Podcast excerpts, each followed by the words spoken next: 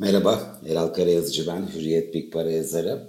Yılın son haftasına girdik. Bugün Londra kapalı olduğu için muhtemelen işlem hacmi yurt içinde de düşük olacak. Cuma günü 1 Ocak ve bütün dünyada piyasalar kapalı. O yüzden 4 günlük ama işlem hacminin de düşük e, kalacağının düşünüldüğü bir güne, bir haftaya başlamış olduk. Geriye dönüp geçen haftayı hatırlayalım. Borsada %1 kadar e, bir yükseliş, döviz kurlarında yine %1 kadar bir gerileme. Türk lirası değer kazandığı için yani dolar Türk lirası karşısında euro Türk lirası karşısında geri geldiği için bunun altına da yansıdığı ve e, hemen hemen yüzde yarım kadar gram fiyatında aşağı geldiği bir perdeyi tamamladık. Yeni hafta pozitif başladı. Burada Amerika'da Trump'ın bir son dakika sürprizi yapması ve önce veto edeceğim deyip sonra yardım paketini onaylamış olması etkili e, faktör. E, yüzde yarım kadar hem e, Amerika'nın hem Avrupa'nın vadeli endeksleri Asya işlemlerine pozitif başladılar. İngiltere kapalı ama Almanya açık bugün.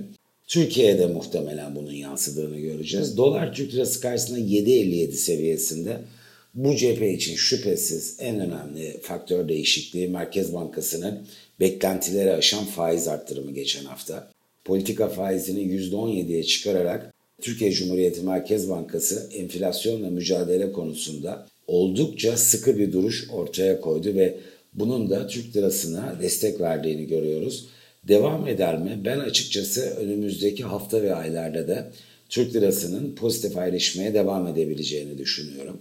Çünkü en önemli avantaj geçmişte ülkemizde doların keza onunla birlikte euronun, altının, sterlinin çok fazla yükselmiş olması.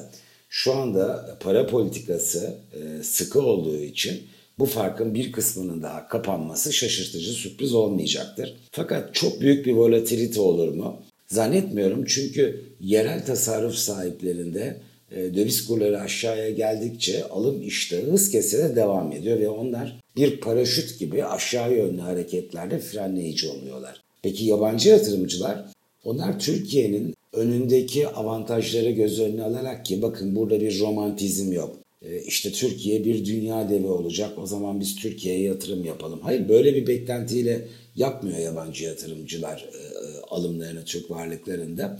Göreli iskonto nedeniyle çok kuvvetli bir giriş var.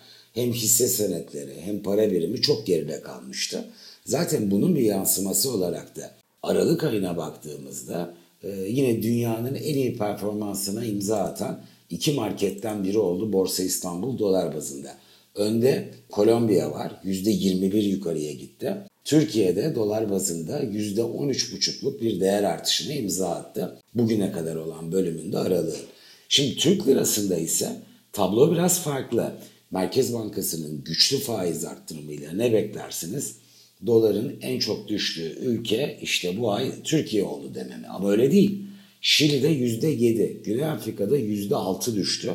Türkiye'de de %3.3 düştü. Aslında merkezin kararı, kararlarını takiben tabelada gördüğümüz şey TL'de büyük bir pozitif ayrışma değil, TL'nin dünyadaki ritme katılımı oldu. Çünkü dünya genelinde gelişen ülke para birimlerinde güçlü, gelişmiş ülkelerin dolar dışı cephesinde de önemli bir kısmında Japon yeni ve İsviçre frangı hariç onları bir kenara çekelim. İşte Euro'da hatta sterlinde e, işte İsveç e, para biriminde bunlarda e, güçlü değer artışları var. Gelişenler kadar olmasa da.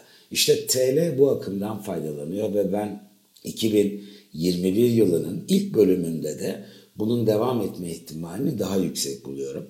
Borsa tarafına dönelim. Borsa sakin sakin yükseliyor. Ciddi bir yer. 1426 puanla kapandı geçen hafta. Ama pahalı değil. Ee, ve o eski ifadeyle sıfırlar atılmadan halle bakarsak borsa 142 bin puana geldi. Ama enflasyondan arındırırsanız ülkemizde e, yıllık %14,5'a ulaşmış bir enflasyon var.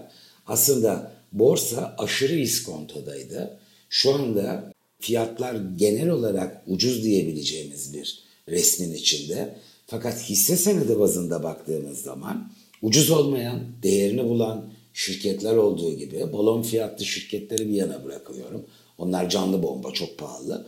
Hala çok ucuz diyebileceğimiz hisse senetleri de var ve ben bunların tercih edilişiyle BIST'te ve ana eğilimin 2021 yılının ilk bölümünde pozitif olma ihtimalini daha yüksek buluyorum.